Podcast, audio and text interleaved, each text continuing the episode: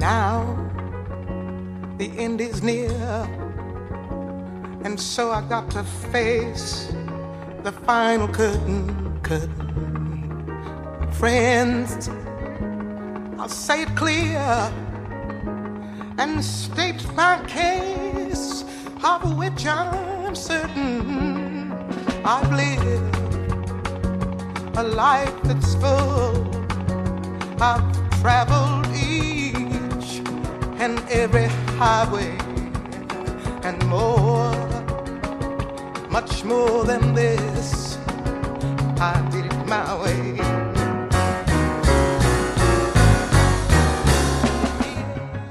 Bienvenidos una semana más a este espacio gastronómico que abrimos en Pontevedra Viva Radio, mesas y manteles que hoy tenemos un tema muy especial, que no es gastronomía o restauración propiamente dicho. Francesco, buenos días. Hola, buenos días. Pero sí es muy importante, ¿no? Que es la, la, difusión de todo, de todo ese trabajo que hacéis, ¿no? Sí, sí, sí, sí. Yo pienso además que non solo per la, la calidad umana della persona che tenemos aquí come invitato, che ora vamos a presentare, eh, la cosa más importante è la divulgazione in sí mismo que hace, porque, come sempre dico, la gastronomia eh, el punto de, de fusione di tutta la cultura delle persone. E una gastronomía sin conoscenza del dónde ir, dónde viajar, también carece de sentido en sí mismo. Y por eso hoy tenemos, para mí, è un onore, ya conoscevo, però presentare Alberto Rivas. Alberto, buenos días. Hola, muy buenos días, ¿qué tal? Ah, bueno, eh, Alberto, para mí, un uh, bloguero de, referente de, viajero de, Galicia, eh, no solo de Pontevedra, de Galicia, y ahora estamos de buena porque está, Alberto está nominado como bloguero de, España.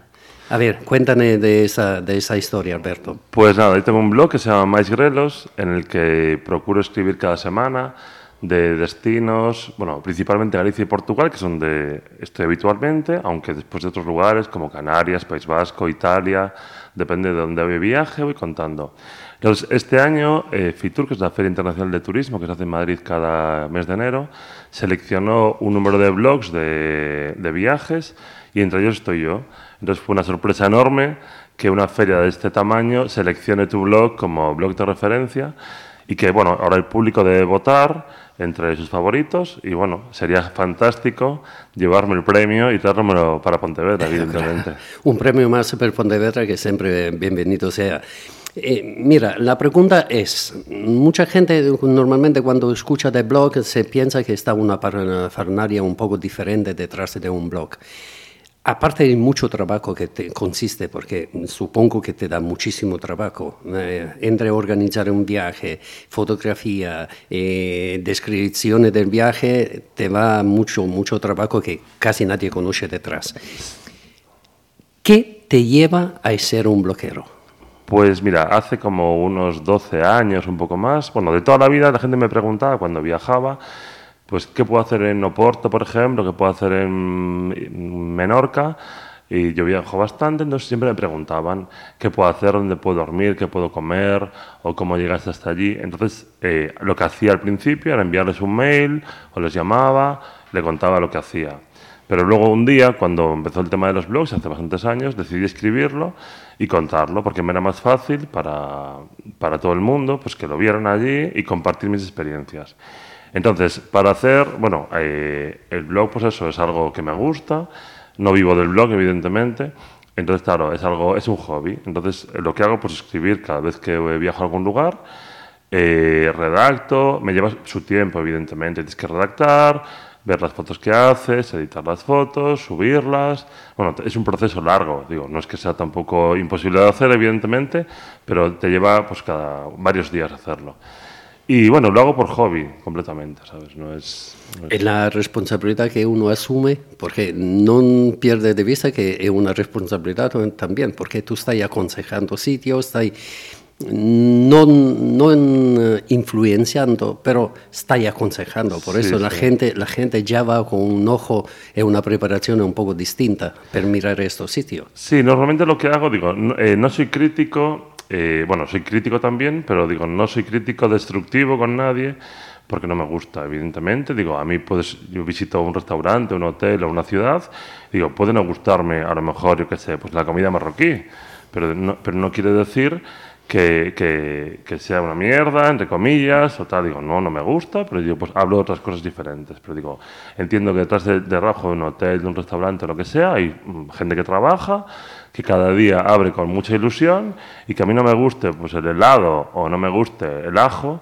no quiere decir que no le guste a más personas. Entonces, bueno, yo procuro siempre ser constructivo en lo que hago y, y si no me gusta, pues mm, lo obvio y hablo de otra cosa diferente siempre. Eh, hablando de Pontevedra, Sí. ya eh, voy aquí porque ya antes en, eh, en privado estábamos hablando. ¿Qué piensa que se puede hacer al dirá de los premios eh, ciudadanos que tiene Pontevedra en papeles, eh, que seguramente están atirando muchísimo turismo, el hecho de Pontevedra premiada de aquí, premiada de, de toda Europa? ¿Qué podemos hacer nosotros en Pontevedra por promocionar aún más Pontevedra, pero de una forma distinta que no es solo en papeles? Hombre, pues eh, yo creo que se puede aprovechar el turismo a lo largo de todo el año. Digo, hay gente que no busca sol y playa, pues hay gente que busca pues venir a Galicia en el mes de febrero a lo mejor y disfrutar de pues eso de, del frío o de la lluvia digo porque hay hasta turismo de temporales yo tengo un amigo que es fotógrafo y él cada vez que hay temporal se va con la cámara y vienen amigos a verle y se van a hacer fotos de, de oleajes por ejemplo. Bueno, eso es una cosa muy puntual, uh -huh. pero me refiero, digo, que hay turistas que pueden venir a Galicia en el mes de noviembre, en el mes de febrero, en el mes de marzo, y muchas veces no hay servicios para darle, porque están cerrados los hoteles, en lugares pues, de, de costa, pues a la, hacia San Siencio, el Grove, lo que sea, hacia Cangas, o bueno, en, en, la zona de costa están cerrados. Digo, tú un día, un martes del mes de marzo a lo mejor, quieres comer en un pueblo alrededor de Pontevedra, de con costa, están cerrados los restaurantes, porque solo abren pues, el fin de semana, solo abren en Semana Santa. Entonces, claro, si tampoco tenemos el servicio, el, el turista tampoco va a venir en esa época. Es, eh, es complicado, evidentemente, tener abierto un restaurante, un hotel o una, empresa turística si no tienes gente, digo, porque es la pesquería que se muerde la cola. Pero bueno, habría que potenciar entre todos y buscar alguna solución para que el turista venga más allá de los meses de verano a Pontevedra. Pero Pontevedra en sí mismo, ¿tú piensas que ofrece bastante para un turismo? Ofrece... ¿O tiene alguna carencia? Porque muchas veces nosotros hablamos de una, la fuente principal de turismo, no perdemos de vista que es el camino portugués. Sí. El camino portugués que siempre, cada año está en auge, cada año está siempre aumentando eh, presencialmente el turista que pasa, pero tú piensas que Pontevedra está preparado o podría hacer algo más para este turismo? Tiene que prepararse, digo, para, bueno, una en idiomas, aunque sea pues aprender... La, eh, la asignatura pendiente de Pontevedra. claro, pero aprender en inglés pues las cinco frases de turno y escuchar al turista y que te va a decir siempre lo mismo, te va a pedir las cuatro cosas que te pide siempre. Y luego después también eh, el peregrino pues eh, es un perfil muy variado y es gente pues que puede venir desde Sudáfrica hasta Canadá pasando por Kuala Lumpur. Sí, pero la pregunta mía es una muy bien mirada. Normalmente cuando se habla de peregrino uno piensa en un turista barato. Ah, no, no, yo, no lo, yo no pienso absolutamente que sea así, yo lo miro diferentemente. Y quería la opinión tuya si tú lo piensas. Sí, no. sí, digo, yo de hecho tengo amigos que tienen empresas de, relacionadas con el turismo y con peregrinos, por ejemplo, de hecho una es en Villa García, y sus turistas, sus clientes son gente con bastante dinero que va de hotel en hotel, que utiliza pues restaurantes de grupo Nove y tal. Y entonces, claro, ¿qué pasa? Que a veces el perfil de peregrino pues desayuna más temprano, eh, come más temprano y tiene unas necesidades. Por ejemplo, pues eh, lo que hablábamos antes, digo, pues hay un peregrino que come ensaladas. Eh, muchas veces en un restaurante la ensalada que hay es tomate, cebolla y lechuga y se acabó la historia. Entonces, claro, cuando alguien está acostumbrado, que viene de Dinamarca o de otro lugar, sus ensaladas son fantásticas y maravillosas y llevan de todo. Ahí están los locales solo de ensalada, claro. el famoso ensalada bar. Sí, sí. Y, entonces, y, aquí no, eh, aquí los encuentras. Bueno, tú tienes una carta de ensaladas, pero son es muy puntual. O por ejemplo, pues si quieren comer a la una de la tarde, a la una de la tarde no están abiertos el restaurante, o si quieren desayunar un desayuno continental a las 7 de la mañana, pues están abiertas dos cafeterías que te ponen un café con un churro. Entonces, claro, también el servicio no lo estamos dando, pero bueno, yo tampoco soy especialista en, en hostelería ni ver pues cómo No, se no, puede te lo rentabilizar. No, no, no, te comento, digo, igual es, tú me dirás, oye, pues mira, es más rentable pues atender a los clientes a las 3 de la tarde que a la 1, o no me compensa abrir una cafetería a las 7 de la mañana porque el flujo llega a las 9, por ejemplo. Pero, pero el perfil de peregrinos... Yo aquí soy parte implicada también, por eso yo quería afrontar esta problemática. El ah, discurso del horario no me conviene porque la gente empieza más tarde. Sí, seguramente Pontevedra eh, estamos acostumbrados que antes de las nueve no, nos vamos, no salimos de casa para tomar el café, pero è una città di servizio. Pontevedra sempre fu una città di servizio. Città di servizio significa che tenemos che stare preparati per dare servizio, come stavamo dicendo antes. E una cafetería donde non ti ofrece ningún tipo de servicio, en ese sentido, hablamos de desayuno, eh, hablamos de desayuno, eh, donde una persona que non è di Pontevedra, está de paso, que quiere ir a hacer un buen desayuno y no está nadie que te ofrece un desayuno, eso para mí è un handicap notevole per Pontevedra, porque estamos eh, renunciando a, a, a crear servicio. Y la gente sabe perfectamente que si quiere el desayuno, lo hace en el hotel, porque fuera del hotel difícilmente puede encontrar algo más. Y la, la pregunta que yo te riaco, ¿tenemos posibilidad de acoger más, más eh, turismo si cambiamos mentalidad o no? Yo creo que sí, ¿eh? digo, creo que sí, porque digo, la ciudad es pues, una ciudad eh, que a todo el mundo le sorprende siempre y es una ciudad bastante desconocida en general. Yo tengo, pues eso, gente que viene, que me dice, oye, pues no conocía Pontevedra y me ha sorprendido, porque siempre que venía a Galicia estaba, pues conocía Coruña, conocía Santiago y me iba a Vigo, pero en Montreal nunca había parado. Entonces es una ciudad que tiene mucho que ofrecer y, y- y, bueno, tiene locales para atender a a la gente, tiene hoteles también y tiene servicios, pues tiene museos, tiene conciertos, pero claro, todo esto, evidentemente, pues hay que potenciarlo más, claro. Pues tú puedes ir a... E tu che stai acostumbrado a stare in Fitur todos los años perché tiene una cita casi obligatoria para ti e stai acostumbrado a trabajare con Tour Galizia, con Tour eh, portoghese e non ti parece che Pontevedra sta, è, pro- è come, la, come la niña minor?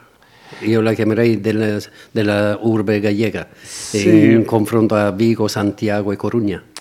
Eh, hombre, no- digo, no sé en cuanto a, a, a trato recibido por la administración. Ahí sí que yo no, no, no tengo tampoco así mucho. A eso me mucho refiero criterio. yo, a trato, a trato della amministrazione. Pero bueno, después también, claro, digo que, que es eso, es un trabajo de todos también. Es un trabajo, por ejemplo, estuve hace poco con Turismo de Portugal, en un, en un el norte de Portugal, y ellos están siempre, quieren potenciar las relaciones internacionales porque les interesa mucho.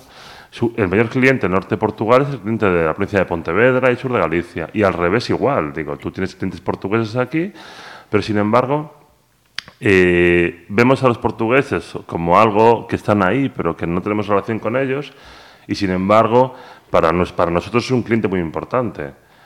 Aquí lo ves en verano y lo ves durante todo el año. En fin de año, pues hay muchas reservas de portugueses y al revés igual. Digo, yo de Sí. fin de semana me voy a Porto cada dos por tres. Mucha gente piensa que el portugués viene solo a Corte Inglés de Vigo, no, Eh, no es así, eh, efectivamente. Entonces, claro, digo que a veces tienes clientes muy cerca, como pues el norte de Portugal o, o Asturias, y que, los, y que te preocupas después porque vengan rusos. Un ruso no va a venir a Galicia, puede venir uno, pero un ruso quiere gastarse de dinero a lo loco y aquí no puede, no hay donde gastarse el dinero a lo loco. Entonces, claro, a lo mejor te compensa más hacer potenciar tu relación con el norte de Portugal y, y buscar lazos pues, de colaboración que preocuparte por el turista de Alicante, que a lo mejor sí puede venir, evidentemente, pero no va a venir todo el año. Mm. Io so perfettamente che in, a livello promozionale eh, Tour Galizia la, o la misma Junta, todo, todo procurano de ponere in, eh, in una posizione bastante privilegiata también Pontevedra, porque por, eh, por años estuvimos un poco de la mano de Dios, un poco abandonado porque esa descoordinación que estaba entre los varios entes de promoción turística no funcionaba bien. Ahora parece que se empieza a posicionar mejor Pontevedra, también en las muestras, en las ferias. Y eso también por la gran labor que está haciendo el Ayuntamiento de Pontevedra con la nueva eh, promoción turística que tiene. Pero yo pienso que aún le falta este toque final de posicionar Pontevedra como, para mi modo de ver, como merece Pontevedra. Porque tenemos un turismo floreciente, pero que no, no sabemos aún cómo, cómo, disfrutar de este turismo uh, prometente. Y aprovechando que estás tú, que es uh, un famoso bloguero, y no va a ser aún más después de este premio que seguro que te regala. ¿Cómo se puede promocionar a un Pontevedra al la, parte de las, de las eh, promociones que hace el ayuntamiento? es lo que me, te quiero decir. ¿Qué puede hacer la ciudadanía de Pontevedra para promocionarse? Pues mm, mm, mm, déjame pensar. es un poco complicado porque eh, eh, muchas veces todo queremos promocionarnos, pero todo a veces eh, queremos un poco de sentido de promoción. Antes te decía de una anécdota de que me pasó ayer, que teníamos invitados aquí a la radio y no se presentaron porque es un modo de no saberse promocionar. Ahora, si cada uno de nosotros, a, nivel de restauración, hace sus su deberes, ¿tú piensas que Pontevedra será beneficiado? Hombre, yo creo que sí. por ejemplo, pasa muchas veces que tú tienes que ser el embajador de tu ciudad muchas veces. Entonces, a mí me pasa con gente que te encuentras que en Barcelona, ah, soy de Pontevedra, pero te lo dicen como... Mm, como que le da un poco de vergüenza, digo, no, hijo mío, ¿sabes? Y yo, sea, todo el mundo sabe que soy de Pontevedra, que soy gallego, esté en Argentina o esté en París.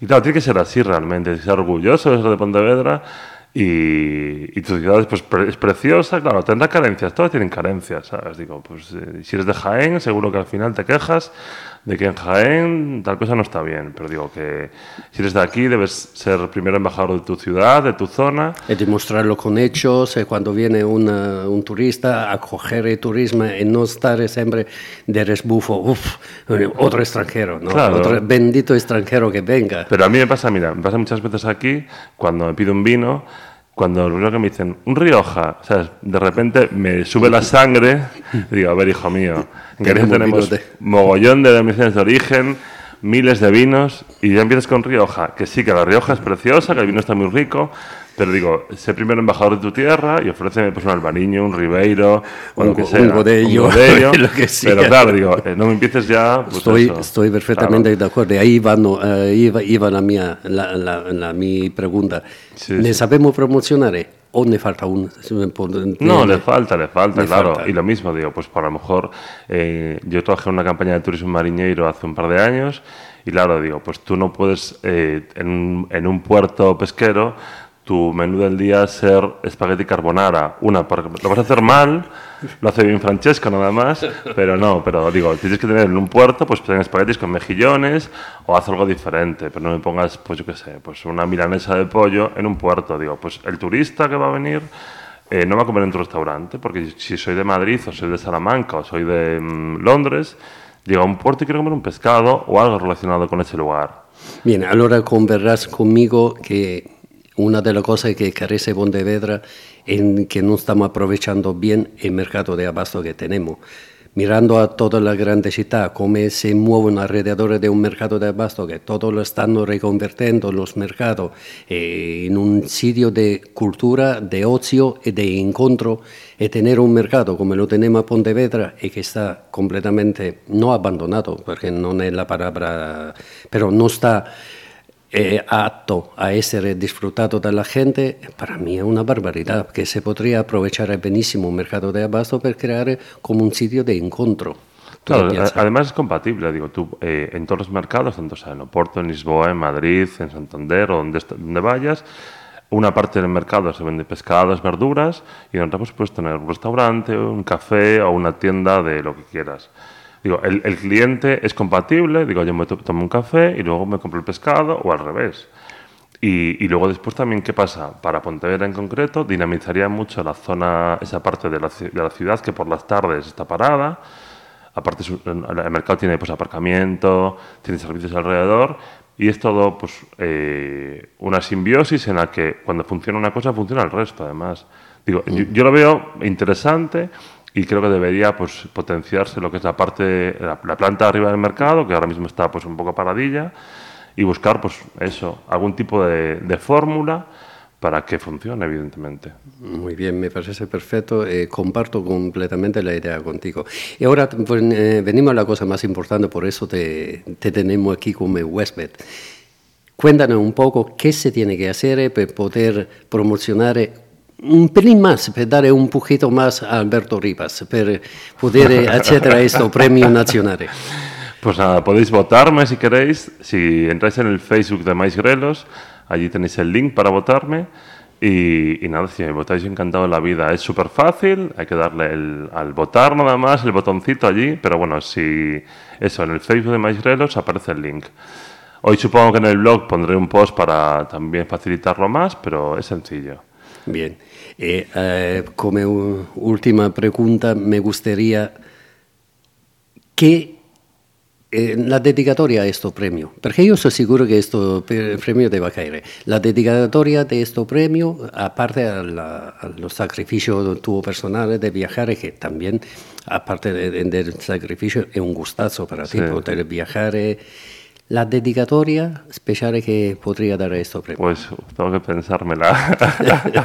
Yo, co- co- como no estoy acostumbrado a premios, no, no estoy acostumbrado a discursos. Pero no, bueno, pero no es cuestiones de acostumbrar a premio, Claro. es cuestiones del sentimiento que tú, todo Claro, el sí, sacrificio que haces, siempre tiene una persona o un momento particular eh, para poder dedicar. Sí, pero en principio, digo, en, en el tema del blog yo se lo dedicaría pues, a la gente que tiene toda la paciencia del mundo, ¿sabes? De cada semana, ver, comentar y, y colaborar contigo haciendo tal, digo. ¿Te parece poco un blog como el tuyo que eh, reúne tantas visitas semanales? eh, ¿Te parece poco de decir gracias a toda esa gente que, que dice tú te soporta? Porque son miles de personas que Sí, te sí, miran, digo. que te eh, miran claro, semanalmente. sí. Y entonces está bien, claro, es que digo, no, no, no se lo puedo dedicar a mi abuela, se lo dedicaría a mi abuela, pero mi abuela todavía, eh, a veces no entiende que yo esté con el teléfono y que hable con mi prima que está en México y que me mande la foto, ella no entiende así mucho el, el tal, pero bueno, digo, y claro, mi abuela pues es- un encanto de mujer, pero no entiende las tecnologías y no entiende que parte de mi trabajo sea como un ordenador y todo lo que puedo hacer desde allí, ¿sabes? Sí, pero non perda sempre, eh, non perde de vista che è la passione che gli pone. E sì, la passione è lo che muove frontera, muove muro, muove religione, muove todo. No, y la constancia, digo, si te gusta, pues hazlo, digo, pues si te gusta cocinar y, y no sabes, pues poco a poco vas aprendiendo. Si odias la cocina, nunca vas a ser buen cocinero. Lo mismo que si no te gusta el fútbol, por mucho que le des a la pelota, algún día te vas a aburrir. Una vez, eh, tengo una anécdota de un amigo mío que tiene, tiene hijos y cosas. Allora, el hijo creciendo estaba un poco gordito, cosas. El- mi amigo tuvo la idea de ponerlo en el fútbol. E el primer día que viene el, el niño del fútbol y pregunta al padre, oye, ¿qué tal? Dice, para mí es una tontería, porque me manda a jugar un deporte donde todo corre uno detrás de una pelota y cuando consigue hacerte con la pelota, después de un minuto ya la pierdo. ¿Qué, qué- qué voy a ganar yo con esto? Eh, por eso, eso es el sentido de la vida mismo. A veces esta quimera que corremos todo de- como de- con afán detrás de esta quimera para coger eh, lo que y llega eh, así efímera a veces, eh, que te deja un poco perplejo y diré, ¿por qué lo hago? ¿Por qué lo hago? Por la pasión. ¿Por qué lo hago yo en mi trabajo? Por pasión. Por eso quería saber eh, de ti eh, cómo transmitía tú esta pasión por tu trabajo.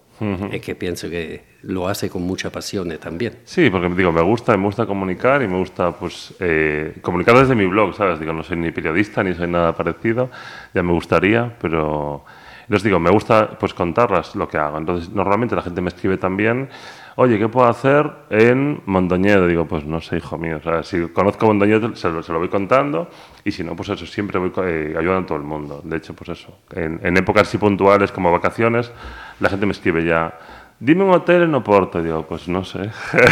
no cobro del hotel por recomendártelo. Lo mismo que en Pontevedra. ¿Dónde puedo comer en Pontevedra? ¿Qué puedo hacer? ¿O dónde puedo pues, ir en Cambados? Bueno, mucho por Galicia y Portugal, pues donde me centro más. Pero te digo, en el blog encuentras viajes pues, a La Rioja, a Canarias, a Grecia, a Barcelona. O sea, se va cambiando. Yo si me permites, ya, Nelly, eh, Francisco, tenía, eh, tengo una pregunta para Alberto, porque No, me, por- me- por favor. Me, me resulta muy, tengo mucha curiosidad sobre ese, sobre ese asunto. Me imagino que cuando empezaste con el blog, Sí. el tema del anonimato, pues ayuda a moverte por ciertos eh, espacios que a lo mejor mm, ahora que eres un bloguero más reconocido y Sí. la gente te conoce, pues a lo mejor mm, te sientes más vigilado. No sé si, si, si- si has notado un trato un diferente en cuanto, por ejemplo, vas a un restaurante, a lo mejor ya te conocen y dicen, uy, a ese hay que tratarle mejor, que es bloguero, y a ver lo que nos cuenta, que a lo mejor una- un cliente normal. Mm, Hombre, lo del trato más o menos tampoco es nada de otro mundo, ¿sabes? Digo, es igual que cualquier cliente normal. A veces me da un poco de vergüenza, ¿sabes? Cuando llego a un sitio y me reconocen, me, me queda, ¿sabes? yo soy a veces un poco cortado por esas cosas. Sí, especialmente cuando miro que ya saca el móvil para hacer algún foto, alguna foto del sitio, del plato, ya dice, hoy la está liando, la está liando. Pero normalmente lo que hablaba antes, también soy bastante constructivo, si algo no me gusta no voy a poner la foto de vaya birria de tal. Entonces, me da un poco de palo a veces cuando llegas a un sitio y te reconocen y te dicen, ay, hola, no sé qué, y yo te quedas así como, uy, no soy yo.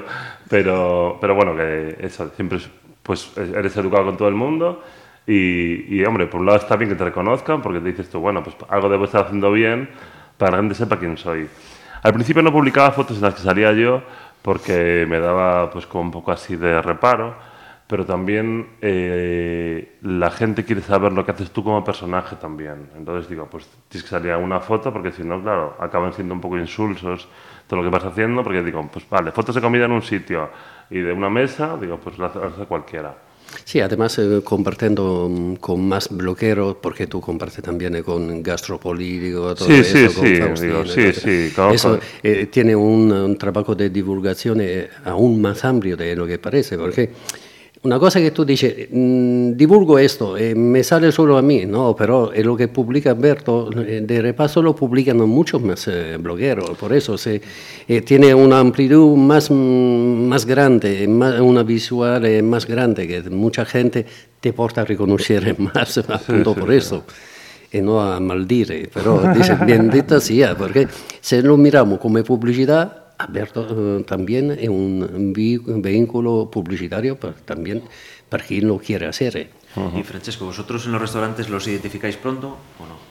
Alberto, yo creo- Blogueros, críticos que entran por la puerta, los, los tenéis... Eh, nunca me fijé, pero sí que una vez eh, uno cantaba así tanto, así tanto que yo ya, yo poi soy una persona muy directa.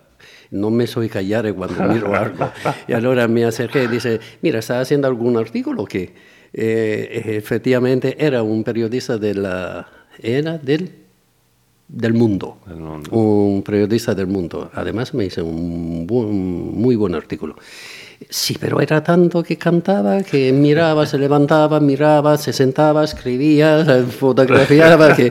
pero normalmente no, son discretos, son personas discretas que quieren disfrutar de la comida. Supongo que cuando va fuera la primera cosa que quiere hacer Alberto, disfrutar del viaje, del paisaje, de la comida, de un sitio donde va y después la divulga, pero Sí. antes no quiere disfrutar el pesimismo. No, normalmente además yo, por ejemplo, en, en- en los viajes que hago, eh, me gusta mezclar gastronomía con, con paseos o lo que vayas a hacer. No estar, digo, pues si voy a comer un restaurante hago cuatro o cinco fotos y te comento, oye, pues estuve en Granada y me gustó este restaurante y digo, pues saco las fotos de los platos y subo tres o cuatro fotos. Pero claro, subo las de, de ese restaurante, del museo, de lo que sea, de la vista desde Albaicín y bueno, o sea, eso es un- una mezcla así de, de temáticas en el mismo post.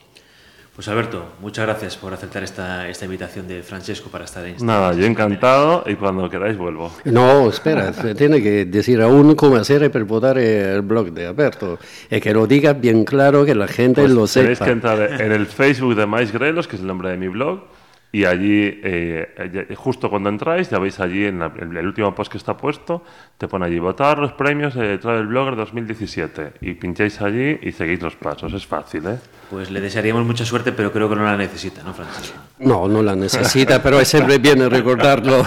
mucha suerte, Alberto, y que la gente se anima a votar porque vale la pena, porque es un blog muy interesante. Bueno, Francesco, a ti te vemos dentro de 15 días, ¿no? Muchas gracias. Hasta luego. Gracias a todos y bueno, como es el último programa del año, vamos a también a desear un feliz, fiesta a todos. Sí, buen año a todos. Y la cosa más importante no es tanto cómo acaba, es cómo empieza. Que empieza mejor o al menos igual a lo que acaba. Feliz fiesta a todos. Bueno, pues con esos buenos deseos nos despedimos. Benjas y Manteles regresa dentro de 15 días. Hasta luego. Hasta luego.